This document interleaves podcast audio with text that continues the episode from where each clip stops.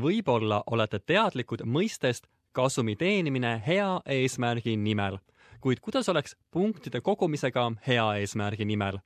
Sydneyst pärit mees on algatanud ettevõtmise sagedasti lendajatele, kes koguvad lennupunkte. ettevõtmise eesmärgiks on esile kutsuda muutust aitamaks kodutuid. kodutus on Austraalias tõusuteel ning olemasolevad tugiteenused tegutsevad viimsel piiril. Kopti õigeusu ühenduse Outreach Service on üks teenustest, mis on aidanud Sydney kodutuid juba kakskümmend aastat organisatsiooni meeskonna juht Peter Rose, kes aitab kodutuid suurlinnade keskustes, kinnitab, et kodutute arvu suurenemine on ilmne. Over the 13 years that I've been at this location, um, I've definitely seen a lot of growth. Um, it does go up and down, but it's on an upward for sure.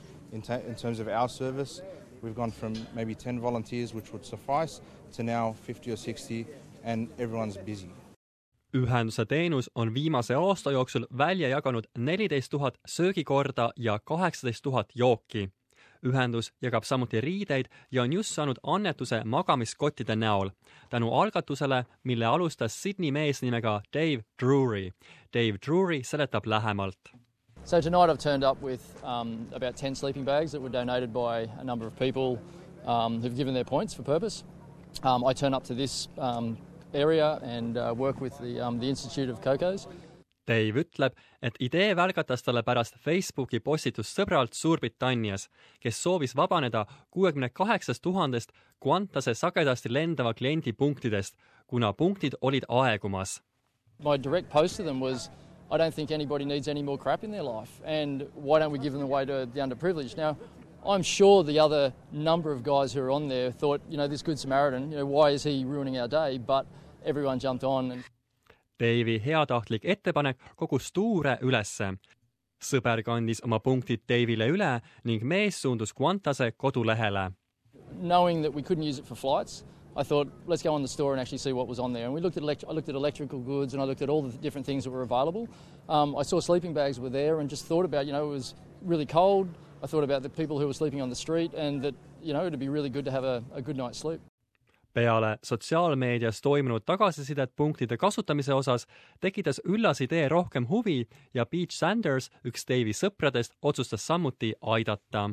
It just made sense to donate the points, and like a lot of people, I've got a truckload of frequent flyer points, and therefore just decided to actually ship a sleeping bags, and it was so easy, and everyone sort of weighed in on that as well behind Dave, so it made a lot of sense to us Dave Drury on kogunud hetkel üle kolmesaja neljakümne tuhande punkti ja ostnud nende eest kolmkümmend magamiskotti. Kopti õigeusuühenduse Outreach Service meeskonnajuht Shani Evington ülistab Dave'i algatust. It's amazing. I don't know why someone didn't think of it earlier. I like I was just blown away. And um, yeah, when he contacted me and said, you know, would these be any good? I thought I was doing a happy dance. Nendele kodututele, kellel on õnn pälvida magamiskott, teeb külma öö möödasaatmine natukese lihtsamaks. Been getting some cold nights, and I'm telling you, I've been, I got the cold at the moment, and that'll stop it. Like, keep me nice and warm. So hopefully I'll get better and start feeling a bit warmer. You know? Dave Drury kinnitab, et inspiratsioon heategevuseks tabas teda hiljuti. Sold out of my own company. Um, this year I've been travelling the world.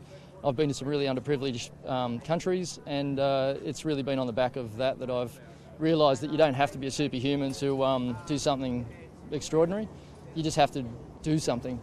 Shani Evington kopti õigeusu ühingust lisab, et see midagi ei pea olema ilmvõimatult suur.